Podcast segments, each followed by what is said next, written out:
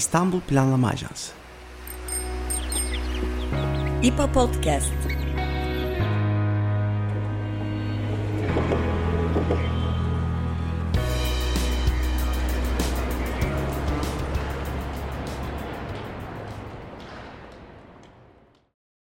Merhaba, İPA Podcast'e hoş geldiniz. Ben Berkan Özyer. Ben Elif Yıldız Kızılca. İPA Podcast'in bu bölümünde yönümüzü İstanbul ekonomisine ve iş dünyasına çeviriyoruz. 5 yıldır katılımcı bir anlayışla faaliyetlerini sürdüren, iş dünyası ve yerel yönetim arasında köprü görevi gören İBB Sanayi ve Ticaret Platformu Başkanı, şehir plancısı Doktor Mehmet Çakılcıoğlu ile platformun faaliyetlerini, İstanbul sanayisini, üreticilerin durumunu ve 2024 yılında açıklanan askeri maaş ücretinin sektöre yansımalarını konuşacağız. Mehmet Bey hoş geldiniz. Teşekkür ediyorum. Hoş bulduk arkadaşlar. Sağ olun. Hoş geldiniz tekrar. Mehmet Bey açılışı e, öncelikle doğrudan platforma yönelik yapmak biraz yerinde olacaktır. E, diğer derinlikli sorunları geçmeden önce e, İstanbul Büyükşehir Belediyesi Sanayi ve Ticaret Platformu'na dair e, kısaca bahsedebilir misiniz? Nasıl kuruldu? Hangi sektörlerle sektörlerle ne gibi çalışmalar yürütüyorsunuz? Nasıl bir çerçevede faaliyetler e, devam etmekte? Tabii ki kısaca e, Sanayi ve Ticaret Platformu'nu anlatmaya çalışayım. E, bu platformun kuruluşu 2019. 2019'da Belediye Başkanımız Ekrem İmamoğlu ile konuları değerlendirirken iş dünyası ile ilgili Büyükşehir Belediyesi'nin daha doğrusu tüm belediyelerin çok da temas olmadığını e, ortaya çıkardık. Daha doğrusu bu olgunun üzerine gidelim dedik. E, bildiğiniz gibi Büyükşehir Belediyesi veya ilçe belediyelerde ilişkiler hep e, dikey ilişkiler, daire başkanlıkları üzerinde bir ilişki kurulmuş durumda. E, ancak Büyükşehir Belediyesi olarak farklı sektörlerde yatay ilişkiler üzerine gidelim ki bunun karşılığı da zaten platform. Biraz sonra ayrıntılarına gireceğiz ama Büyükşehir Belediyesi'nde turizm platformu, ulaşım platformu gibi e, bizim platformun yanında da başka platformlar da var.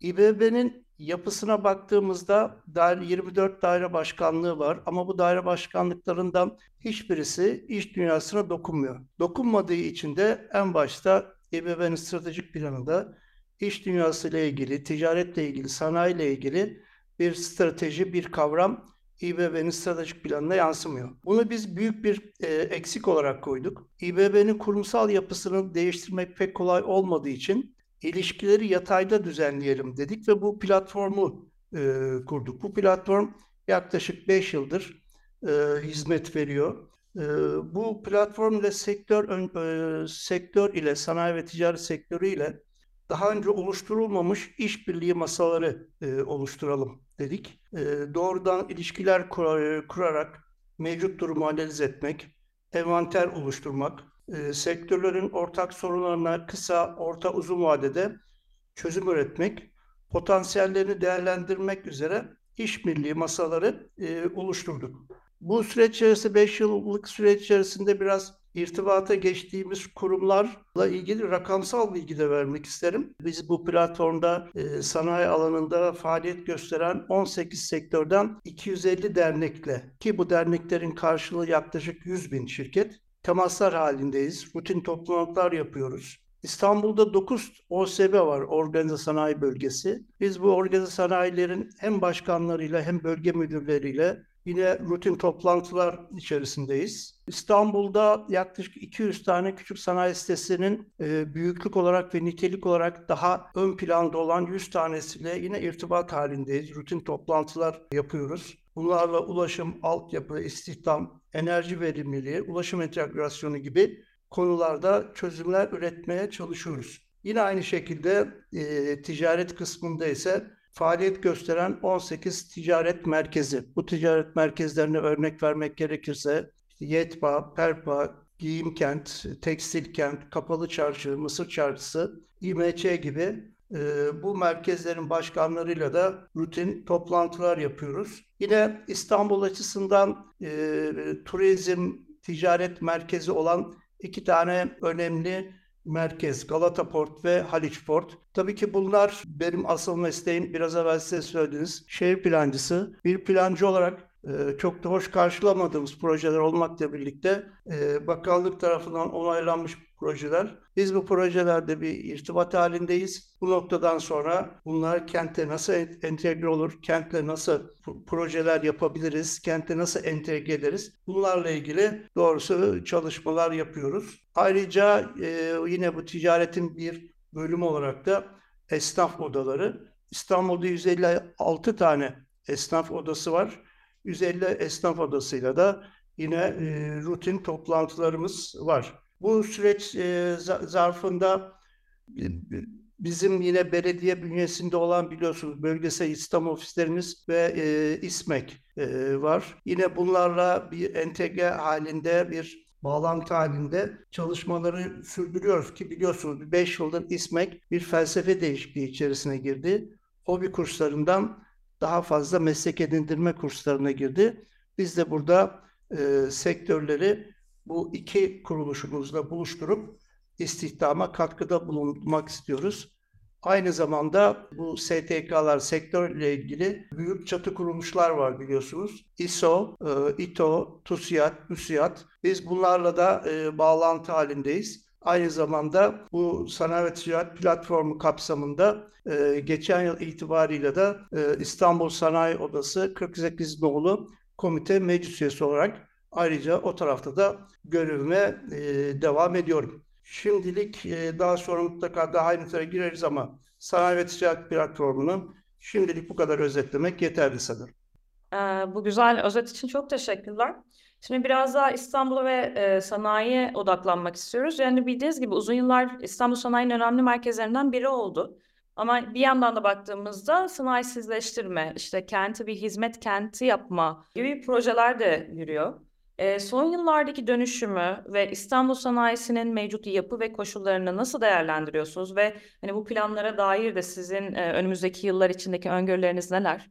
Teşekkür ediyorum. E, önümüzdeki yıllarla ilgili öngörülerimi açıklamadan evvel biraz geriye doğru e, gitmek isterim. Bildiğiniz gibi İstanbul'da 5 tane üst ölçekli plan yapılmıştır. 80 1980 planı, 94 95 2005 ve 2009. Bu planlardan 1980 haricindeki diğer planlarda çalışmış bir kişiyim. Dolayısıyla uzun yıllardır e, İstanbul'un üst ölçekli planlarına ve dolayısıyla da, tabii ki sektör açısı, sektörel anlamda İstanbul'u e, incelemiş bir kişiyim. Tabii bundan e, sanayi sektörü özelinde konuşmak gerekirse 80 değil e, biraz daha geriye gitmek gerekirse sanayiyle ilgili İstanbul'da bana göre en önemli planlardan bir tanesi 1950'de Prost döneminde yapılan planlardır.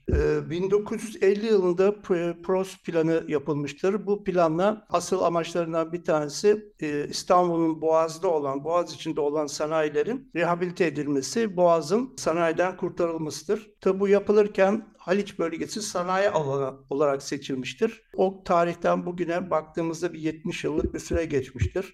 70 yıl uzunca bir süre gibi gözükse de yani bir insan yaşamı açısından uzundur ama bir kent tarihine baktığımızda kent için çok küçük bir süredir. Dolayısıyla 1950'de Halice öngördüğümüz yasal sanayi çok kısa bir süre sonra 10 yıl 15 yıl sonra burası kenti kirletiyor diye başka bir alana göndermişiz. Oradan başka bir alana, oradan başka bir alana. Dolayısıyla sanayi sektörünü hep e, kenti kirletici bir faktör olarak koymuşuz ama şunu da unutmayalım ki sanayinin yer seçimini e, devlet e, öngörmüş ama öngördükten 10-15 yıl sonra yine kamu bu sektör dinamiklerini yeteri kadar özümseyemediği için, yeteri kadar değerlendiremediği için de yer seçimleri hep e, yanlış olmuştur. Dolayısıyla bu açıdan baktığımızda sanayiyle ilgili ki biraz evvel söylediğim gibi İstanbul'da yapılan 5 plandan 4'ünün altında imzası olan bir kişi olarak bu üst ölçekli planlarda, kamu tarafından yapılan planlarda bazı sektörlerde kamu hep ne yazık ki sektör dinamiklerini bilmediği için yanlış kararlar e, almıştır.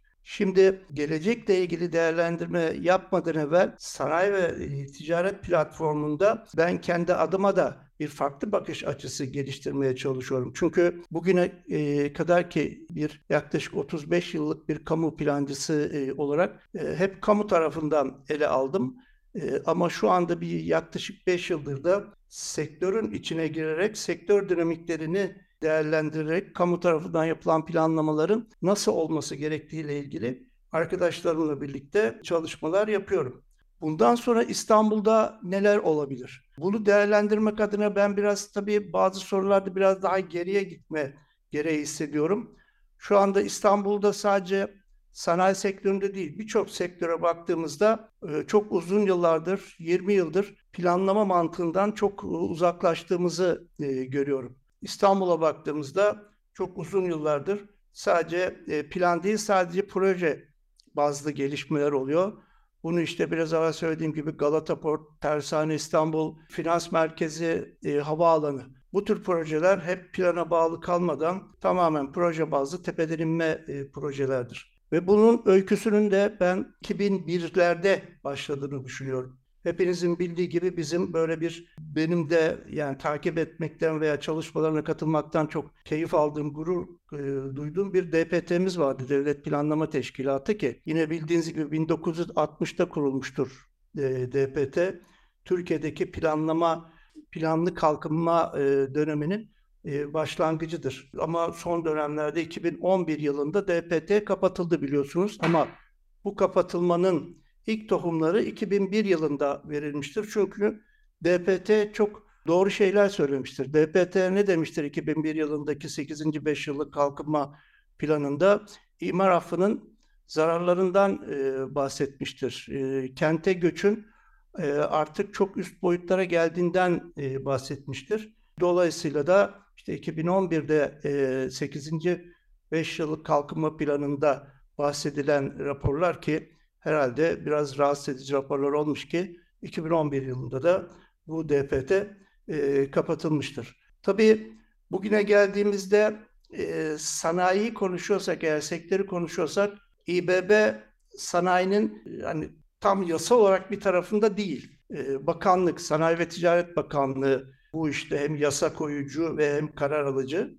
Özellikle OSB açısından baktığımızda OSB'lerin yer seçimi ve planları tamamen bakanlık e, güdümündedir. Burada hem ilçe belediyesi hem büyükşehir belediyeleri görüş vermenin ötesinde bir noktaya gidemezler. Ama burada yine bir e, üst akıl olarak şöyle bir yanlış içerisindeyiz. Birçok konuda olduğu gibi artık bütüncül çalışmalardan çok uzaklaşmışız. Ki biraz evvel söylediğim gibi DPT bu tüm paydaşları bir araya getiren çok önemli bir e, kurumdu. Ama çok uzun zamandır ilgili paydaşlar konumuz ne olursa olsun diyelim ki sanayi konuşuyorsak sanayiyle ilgili paydaşların bir araya gelip ki bunlar işte bakanlık, kalkınma bakanlığı, tüm bakanlıklar, belediyeler, e, aklımıza gelebilecek birçok kurum e, bir araya gelip e, bir karar alamıyor ki burada çatı dernekler de çok önemli İstanbul Sanayi Odası gibi. Burada tek elden e, kararlar e, alınıyor tepeden inme. İstanbul açısından baktığımızda da sanayiyle ilgili bir doymuşluk tabii ki söz konusu. E, belki burada biraz evvel sorduğun soruya da yanıt vermek gerekirse hani İstanbul bir hizmet kenti mi olmalı yoksa bir karma bir kent mi olmalı? Şimdi kentlerin evrimine baktığımızda kentler ilk başta hepimizin bildiği gibi bir tarım kenti. E, tarımsal hizmetlerin pazarlanmasından yola çıkarak kentler büyüyor. Bir sanayi kenti haline geliyor. Arkasından da kentin evriminin bir sonraki aşaması da e, hizmet kentidir. Ama burada şöyle bir yanlışa düşmemek lazım. Tamamen hizmet kenti diye bir kavram e, dünyada da e, yok zaten. Dolayısıyla bir üretim yapacaksınız ki o üretimin e, hizmeti bulabilsin. Tabii ki burada bu dengeler e, çok çok e, önemli. İstanbul'da OSB'ler var ama OSB'ler tabii ki biraz kayıt altındaki ekonomiler. Ama OSB İstanbul'daki sanayinin sadece yüzde yirmisi. İstanbul'daki sanayinin e, yüzde sekseni OSB dışındaki sanayiler ve bunlar da e, bir şekilde biraz gelişi güzel bazı noktalarda çok da sağlık koşullarına uymayan e, üretimin yapıldığı noktalar. Şimdi bu noktadan sonra İstanbul'un sanayisi ne olmalı? İstanbul sanayi oranı, hizmet sanayi oranı ne olmalı diye sorduğunuzda şu anda yaklaşık yüzde üretimin yüzde 35'i e, sanayi sektöründe. Bunun bizim kendi aramızda da arkadaşlarımızla konuştuğumuzda e, bir e, sanayiyle ilgili bir dönüşümün olmasının mutlaka zorunlu olduğunu e, düşünüyoruz. Çok uzun zamandır kentsel dönüşüm kavramını tartıştığımızda hep konutun dönüşmesi gerektiğini düşünüyoruz ama e, burada sanayinin dönüşmesi de mutlaka gerekir diye düşünüyorum. Tabii ki sanayi neye neye dönüşmesi gerekiyor? E, sanayi emek yoğun sanayiden katma değeri daha yüksek sanayiye dönüşmesi e, gerekir mutlaka İstanbul'da. E, çünkü İstanbul'da gerçekten toprak çok pahalı, rant çok yüksek. Dolayısıyla burada zorunlu olarak katma değeri çok e, yüksek üretim yapmamız gerekir diye düşünüyorum. Burada tabii ki yine bütüncül planlama kavramından bahsetmek istiyorum. İstanbul'un sadece Marmara değil, e, bir bütün olarak, bütün bir Türkiye e, olarak planlamak gerekiyor. Burada böyle güzel bir söz söylemişti zamanında bir planlama camiasının çok yakından tanıdığı rahmetli kaptan hocamız, Hüseyin Kaptan hocamız Hakkari'nin bir köyünü planlamaktan geçer İstanbul'un planlaması demişti. Bu çok doğru. Hem sosyal hem ekonomik anlamda biz İstanbul'la bir 20 milyonluk bir kenti planlamak istiyorsak esasında bu işte de gerçekten samimiysek biz Hakkari'nin köyünü önce planlamamız e, gerekiyor.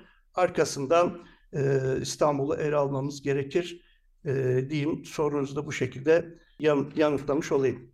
Mehmet Bey bu özellikle e, hem diyalog hem işbirliği hem bütüncül planlama gerçekten şimdiye kadar yaptığımız herhalde bütün podcast yayınlarında bir ortak kelime bakacak olsak bunlar ortaya çıkar sanırım. Pek çok e, sorunun çözüm odaklı bakıldığında da öne çıkan maddeler bunlar oluyor tabii. Burada biraz daha e, gündelik hayata e, geçmek gerekirse ekonomi ve enflasyon ve hayat pahalılığı tabii ki de e, şu an en e, sıcak ve can yakan konuların başında geliyor Türkiye'de. E, pek çok açıdan, pek çok e, sektör tarafından baktığımızda hele bunun bir de e, ham maddelere baktığımızda ham maddelerin çok büyük bir oranında döviz kurlarına döviz endeksli olduğunda düşünürsek e, ham maddelerde yaşanan e, fiyat dalgalanmaları da doğrudan üreticiyi çok e, ciddi etkiliyor. Tabii sonraki aşamalarda da tüketiciye yansıması da kaçınılmaz bu sürecin tabii. Buradan üretici tarafından baktığımızda tabii ham maddeler en başta ama bu döviz kurlarındaki dalgalanmanın bir e, ekonomik istikrarsızlığın üretime sanayiye yansıması nasıl oluyor? Üreticiler bu konuda bu durumu nasıl değerlendiriyor? Evet. Teşekkür ediyorum şöyle yanıtlamaya çalışayım. Şimdi buradaki e, öncelikle bu sorunun yanıtlamak adına şöyle bir bilgi vermem lazım. E, İstanbul'un sanayisinden e, bahsediyoruz veya Türkiye'deki genel sanayiden bahsedersek büyük ölçekli sanayi sadece yüzde on. E, yüzde doksan, yüzde doksan bir oranında e, COBİ'ler var. Küçük ve orta ölçekli sanayiciler. Dolayısıyla e, bizim esasında bunları konuşmamız gerekir. Büyük ölçekli sanayiciler eğer ihracat da yapıyorsa şu anda e, biraz e, tırnak içerisinde keyifleri yerinde. E, şu anda şöyle bir rakam vereyim ki e, basında da filan böyle ö, hep övünerek e, anlatılan, söylenen bir rakam var. İhracat 250 milyar dolar. 2023 rakamlarını söylüyorum. İhracatımız şu kadar arttı. 255, 250 milyar dolar oldu. Şimdi bu cümleyi burada durdurursanız her şey olumlu. Ama arkasından şey nedense söylenmiyor. İthalat 300 milyar dolar oldu. Yani cari açık 50 milyar dolarlık bir cari açık var. Dolayısıyla bu sistem, bu cari açık artarak devam ettiği sürece yani ihraç edenler kısa ve orta vadede ki bunlar da büyük ölçekte sanayiciler bir sıkıntı yokmuş gibi gidiyor. Ama sanal bir e, mutluluk.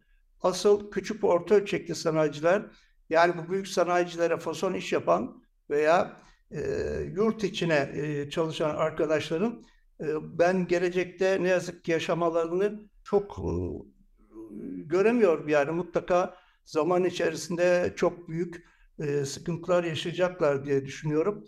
E, bu küçük orta ölçekli sanayiciler ki bir firmanın en başta yapması gereken şey bir bütçe oluşturmaktır. Bu arkadaşlarımız küçük orta ölçekli sanayiciler bütçe bile yapamıyorlar. Yani önlerini e, göremedikleri için gerçekten e, karanlık bir tabloyla karşı karşıyayız diye düşünüyorum. Şöyle bir e, örnek vereyim ki geçenlerde bir toplantıda orada katılan arkadaşların da hoşuna gitti. İnşaat sektöründen müteahhit arkadaşlarla yaptığımız bir toplantıydı. E, ben e, en mutlu müteahhit şu anda elinde iş olmayan müteahhittir gibi bir laf ettim ki gerçekten de hepsi e, hak verdi. Çünkü şu anda çimento, demir filan hiç kimse önünü görmediği için ve bir e, bunlar da hepsi bir e, işte yaklaşık 16 aylık, 18 ay, aylık sözleşmelerle işlerini yapıyorlar. Ama şu anda hiçbirisi bir e, işe e, giremiyor. Dolayısıyla burada çok büyük bir e, sıkıntı var. Belki biraz sonra konuşmalar değişik yani bir Avrupa'nın önümüze koyduğu bir Green Deal'den de bahsetmek gerekecek ki bu küçük ve orta ölçekli sanayiciler hani geleceği pek parlak değil dedim ya bu Green Deal devreye girdikten sonra ki onu biraz sonra ayrıntısına girmek isterim e, yaşamlarının çok daha zor olacağını düşünüyorum. Ya Mehmet Bey bir yandan hani üreticilerin durumunu konuştuk. Bir de e, şöyle bir de, de şöyle bir açı var. Yani 2024 yılında %49 zam ile asgari maaş 17.002 TL oldu. Şimdi bir taraftan hani geçim zorluğundan hani işçiler tarafından e, bu askeri ücreti değerlendiriyoruz. Bir yandan da iş yerleri işçi maliyetlerini karşılamakta her geçen gün biraz daha zorlaşıyorlar. E, siz bu durumu nasıl değerlendiriyorsunuz? Yani askeri maaş zammının sektörlere genel olarak etkisi e, nasıl olacak? Biraz da bu az önce bahsettiğiniz gibi Green Deal ile birleştirerek de sorabilir miyiz? Tabii ki şöyle yanıt vermeye çalışayım. Yine biraz evvel dediğim gibi o rakam çarpıcı bir rakam. Yine üzerinde durmak isterim. Büyük sanayiden bahsediyorsak %10 ama %90 geleceklerin çok parlak olmadığını düşündüğüm COBİ'ler, küçük orta ölçekli sanayiciler. Şimdi büyük sanayiler kendi ekonomilerini yaratıyorlar ve güçlüler. Ama burada şöyle çarpıcı bir nokta var. Tabii ki isim vermeyeceğim ama yaptığımız kapalı toplantılarda e, asgari ücret artışındaki e, büyük sanayicilerin şöyle bir e, tavrı oluyor. İşte asgari ücret 17.500 liraya çıktı. Şu kadar işçi çalıştırıyorum. E, işte ben bu sistemi döndürmem için iki tane seçeneğim var. Bir, e, işçi çıkarmam lazım. İki, üretimin sonundaki çıkarttığım ürünün, son ürünün fiyatını arttırmam lazım. Bu da tüketiciye yansıyacak. Ama üçüncü seçenek yani kar marjımı biraz daha azaltayım gibi bir e, kavramları nedense yok. Tabii ki bunları e, kapalı kapılar ardında söylenen söylemler. Ama böyle bir şeyle de e, karşı karşıyayız. E, dolayısıyla şu anda bir 17.500 liradan e, bahsediyoruz. Yine bizim sanayi ve ticaret platformu olarak üzerinde durduğumuz ve bazı kavramların daha yüksek sesle tartışılmasını istediğimiz bazı kavramlar var. Yani o da bölgesel askeri ücret. Tehlikeli bir tartışma konusu olabilir. Bazı arkadaşlar tamamen karşı, farklı noktalara gidebilir diye konu. Ama bizim söylediğimiz bazı şeyleri gerçek anlamda tartışmamak asıl sorun. Yani biz burada sanayi ve ticaret platformu olarak biraz evvel siz de e, dediğiniz yani bir katılım kavramından söz açtınız. Biz burada katılımın e, çok e, şeffaf bir şekilde yapılması, birçok şeyin masada tartışılması gerektiğini e, düşünüyoruz. Konsensus kavramı bizim için çok önemli. Daha evvelden yapılmamış, toplum o kadar çok ötekileştirilmiş ki kimse kimseyle yüz yüze bir tartışma içerisinde, bir konuyu tartışma içerisine girmiyor. Hep kıyamımızda kavga ediyoruz. Biz kendi aramızda hep konuştuğumuz ödün ve uzlaşma iki tane e, birbirinden çok farklı kavram gibi gözükse de esasında konsensus kavramıyla aynı noktaya gelebilir kavramlar. Dolayısıyla asgari ücret de aynı şekilde. Bölgesel asgari ücretinde tüm paydaşlarım, tüm paydaşlardan kastım işte İSO, İTO, TUSİAD, e, Türkonfet, İSİFET, bakanlık, e, herkesin bir araya gelip tartışması gereken bir kavram olduğunu düşünüyorum. Çünkü 17.500 liranın e, reel değeri, alım gücü e, İstanbul'la işte bir e, Bitlis'te, Elazığ'da alım güçleri arasında çok büyük e, fark var.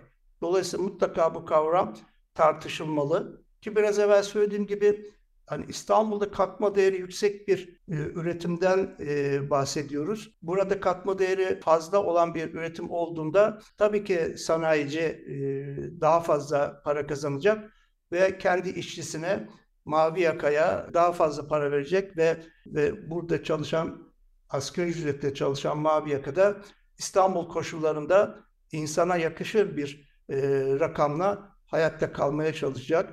Bugün rakama baktığımızda 17.500 lira bir eve tek bir maaş giriyorsa İstanbul'da kira ve diğer harcamaları koyduğumuzda bir arkadaşımızın e, İstanbul'da yaşama şansı yok. Dolayısıyla mutlaka bazı konuları böyle bir geri plana atmadan çok şeffaf bir şekilde tartışmamız gerekir e, diye düşünüyorum.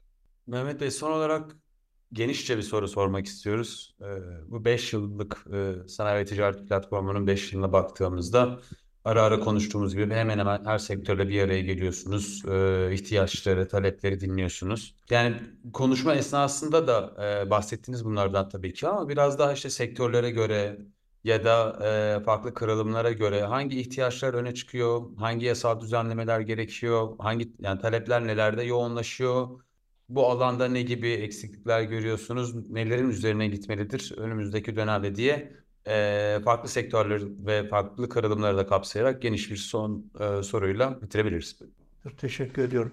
Şimdi yine bu 5 yıl öncesine giderken biz bu süreci devam ettirirken bu kiminle görüşüyorsak, ticaret, sanayi, her esnaf kiminle görüşüyorsak iki tane ana başlık attık. Bir tanesi e, gelin sizinle kendi sektörünüzde bir vizyon belgesi oluşturalım dedik. Yani sektör dinamikleri nedir? E, sektörü sektörün gözünden bir izleyip burada İBB'de hani üst ölçekli plan sektör çalışmaları yapan arkadaşlara e, bu konuları iletelim. Bu bizim ana başlığımız yani bir vizyon belgesi oluşturmak. İkinci ana başlığımızda burada sektördeki hem STK'ların hem şirketlerin biz dedik ki sizin İBB'deki danışmanınız olalım. Yani İBB'de bir işiniz, bir sıkıntınız var ise boş boşuna o kapı, bu kapı, bu telefon aramayın. Biz sizin adınıza buradaki işi tabii ki çözme konusunda bir garantimiz yok ama takiple ilgili bir garanti vererek böyle iki tane ana başlıkta yürüttük. Ee, burada biraz e, konuşmanın başında yaklaşık 250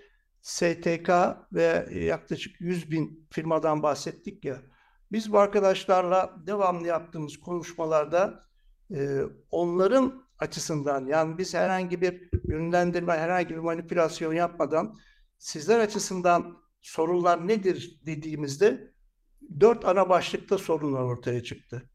Ee, şimdi ayrıntılarına girmek üzere bir başlıkları söyleyeceğim. Afet, istihdam, dijital dönüşüm, yeşil dönüşüm. Dolayısıyla biz bunlardan da gelen sonuçları bir dönüşüm ana başlığında topladık. Yani bir şeylerin dönüşmesi e, gerekiyor. Burada bir e, ki bizim zaten aklımızdaydı ama bir balık hafızalı toplum olarak e, ne yazık ki 6 Şubat e, depreminden sonra hepimize tekrar kafamıza dank eden bir e, felaket oldu. Burada sanayiyle ilgili yani depremi de hep konut odaklı konuştuk bugüne kadar. E, depremi sanayi açısından ne yazık ki çok da dillendirmediğimiz bir konuydu.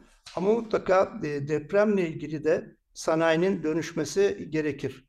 Mesela orada e, fark ettik ki daha doğrusu fark e, biz zaten tahmin ediyorduk ama sanayiciler de kendi binalarının e, çok da güçlü olmadığının ve bunu güçlendirmek adına İBB nasıl konutlarda ve ticaret alanlarında bir tespit yapıyor. Neden İBB sanayi alanlarında bir tespit yapmaz binalarında? Bununla ilgili talepler e, gelmeye başladı. Dolayısıyla tabii konutta da olduğu konutta olduğu gibi sanayici de şöyle bir e, risk hissediyor. Yani binasının riskli olduğu tanımı geldiği anda bütün siparişler duracak, krediler duracak. Dolayısıyla sanayicinin böyle bir sıkıntısı var. Yani bazı bilgileri gizleme eğiliminde. Ama bunun üzerine e, mutlaka çok hızlı bir şekilde gitmek lazım. Tabii ki dedim ya sanayici belki bazı bilgileri saklamak istiyor ama ihracatımızın %45'ini Avrupa'ya yapıyoruz. Avrupa e, buradaki süreçleri bazen ne yazık ki bizden daha sık e, izlediği için depremle ilgili süreçleri de çok net izliyorlar ve e, İstanbul'un da olası bir Marmara depreminde çok büyük etkileneceğini bildikleri için e, Avrupa'daki birçok firma e, burada üretim yaptırdıkları fabrikadan bir garanti istiyorlar. Yani olası deprem gerçekleştiğinde sen benim tedariğimi devam ettirebilecek misin? Bunun bana garantisini veriyor musun? Gibi bir sorular soruyorlar. Eğer veremiyorsan ben başımın çaresine bakayım. Ya Anadolu'nun farklı bir tarafında bir fabrika bulayım veya Romanya'ya gideyim, Bulgaristan'a gideyim gibi böyle bir noktadalar. Dolayısıyla o bir deprem nasıl ki konutlarda düşündüğümüz gibi deprem öncesi, deprem anı ve deprem sonrası e, yani risk süresince deprem anında ve kriz döneminde de sanayi binalarının, sanayi alanlarının nasıl yönetileceği çok çok önemli. Dolayısıyla e, afetle ilgili bir dönüşümün, dönüşüm kavramının mutlaka üzerinde tartışılması gerekiyor. E, burada konuştuğumuz birçok sanayici e, arkadaşım bu anlamda biraz e, konuya çok ciddi bakıyorlar. Bu olumlu taraf e, ama o, olumsuz taraf biraz evvel söylediğim gibi %90 COBİ'den bahsediyoruz. %90 COBİ kendi ekonomisiyle bir taraftan başka bir tarafa gitme şansı yok. Mutlaka devletin yönlendirmesiyle, devletin teşvikleriyle bir şeyler yapması gereken bir kitleden bahsediyoruz. Ve %90 orandaki bir kitleden bahsediyoruz mutlaka burada devletin ön ayak olması gerekir diye düşünüyorum. İkinci ana başlığımız istihdam. Burada da bir yine dönüşüm kavramından bahsetmek istiyoruz. Burada basında da çıkıyor. Devamlı konuştuğumuz bir e, konu var. İnsanlar iş arıyor, fabrikalar, sanayici e, işçi arıyor. Yani bu sevenler bir türlü e, bulaş, e, buluşamıyor. Yani burada bu kadar basit bir mekanizma, yani iş arayan var, işçi arayan var. Bu sistem niye buluşmuyor? Bunun çok fazla e, sorunları olabilir tabii ki. Göçmenler, askerci ücretin e, azlığı, bunların hepsini e, saatlerce konuşabiliriz. Sanayici de aynı şeylerden bahsediyor. Ama e, ciddi bir e, sorun var ki İstanbul koşullarında konuşuyorsak en başta bu 17 bin 17 ee, bin küsür liralık olan asgari ücret hiçbir işçiyi e, tatmin e, etmiyor. Dolayısıyla da bazı sektörlerde yabancı işçi oranı çok yüksek. Bundan iki yıl evvel yaptığımız toplantılarda sanayici arkadaşlar biraz gizli de söylerlerdi. İşte Afgan, Suriyeli işçi çalıştırdıklarını. Şu anda e, sektörler öyle bir boyuta geldi ki herkes e, yabancı işçi, kaçak işçi çalıştırdıklarını çok rahat e, söylüyorlar ve e, genç erkek göçmenlerin e, daha fazla gelmesini çok açık dille e, söylüyorlar. Bu da tabii kayıt dışı ekonominin bu kadar çok rahat dillendirilmesi enteresan e, tabii ki. Ama istihdamla ilgili bir dönüşümün e, illaki olması lazım. Biraz evvel söyledim bizim bölgesel istihdam ofisi ve İSMEK şu ana kadar bölgesel istihdam ofisleriyle özel sektörde 170 bin e, kişi işe yerleştirilmiş durumda. Bu e, önemli bir rakam 170 bin ama yaklaşık 20 e, milyonluk bir kenti düşündüğümüzde kent yoksulluğunun çok yüksek olduğu, olduğu bir şehri düşündüğümüzde 170 bin güzel bir rakam ama çok yetersiz bir rakam olduğunu düşünüyorum. Dolayısıyla istihdamın da mutlaka dönüşmesi gerekir. Nasıl ki biz İstanbul'daki dönüşümün, sanayinin katma değeri yüksek üretime dönüşmesi gerektiğini e, diyorsak da burada çalışan kişilerin de dönüşmesi gerekiyor. Yani istihdamında daha nitelikli e, istihdama dönüşmesi gerekir diye düşünüyorum. Burada hep konuştuğumuz bir konu var. Şu anda e, kişiler işçi bulamıyor. Mavi yaka ile ilgili, ara elemanla ilgili e, çok büyük bir sıkıntı var. Burada yani ara eleman kavramının da ee, gerçekten çok rahatsız edici bir kavram olduğunu düşünüyoruz. Ee, ara eleman yerine aranan eleman, teknik eleman demenin çok daha doğru olduğunu düşünüyoruz. Ee, bunun nedenleri ülkemizdeki eğitim sisteminden de ele alabiliriz. Yani 4 artı 4 artı 4 eğitim sisteminden bir çıkan çocuk zaten 17-18 yaşına geldikten sonra çıraklık dönemini, kalfalık dönemini çoktan geçtiği için zaten mesleğe geçme şansı yok. Şu anda hepimizin bildiği gibi ülkemizde işsiz, ne yapacağını bilmeyen yüzlerce, binlerce üniversiteli e, arkadaşımız var. Ama bunun yerine ki birçok batı ülkesi ki Hani bu anlamda mutlaka herkesin bilgisi vardır ki hani Avrupa'nın mesela Almanya'dan örnek verelim. Almanya e, e, Avrupa'nın birinci ekonomisinin e, mimarları teknikerlerdir. Bir üniversite mezunlarıyla Almanya'nın ekonomisi ayağa kalkmamıştır. Teknikerlerle kalkmıştır. Ama buradaki bizdeki eğitim sistemi ne yazık ki iş bulamayan bir dolu öğrenci arkadaşım, üniversite mezunu arkadaşlarımız bulunmaktadır ki burada da dediğim gibi istihdamda da dönüşüm gerekmektedir. Burada katma değeri yüksek üretim, yeşil tabakat diyoruz. Yani bir dijital dönüşüme bu sanayinin, bu sektörlerin uyum sağlaması gerekiyor. Üçüncü ana başlığımız. Yine kendi ekonomisini yaratan ve kendi ekonomisine hakim olan büyük firmalar bunu buna çoktan başlamışlar. Bunu yapıyorlar. Her türlü eğitimlerini, her türlü argelerini yapıyorlar.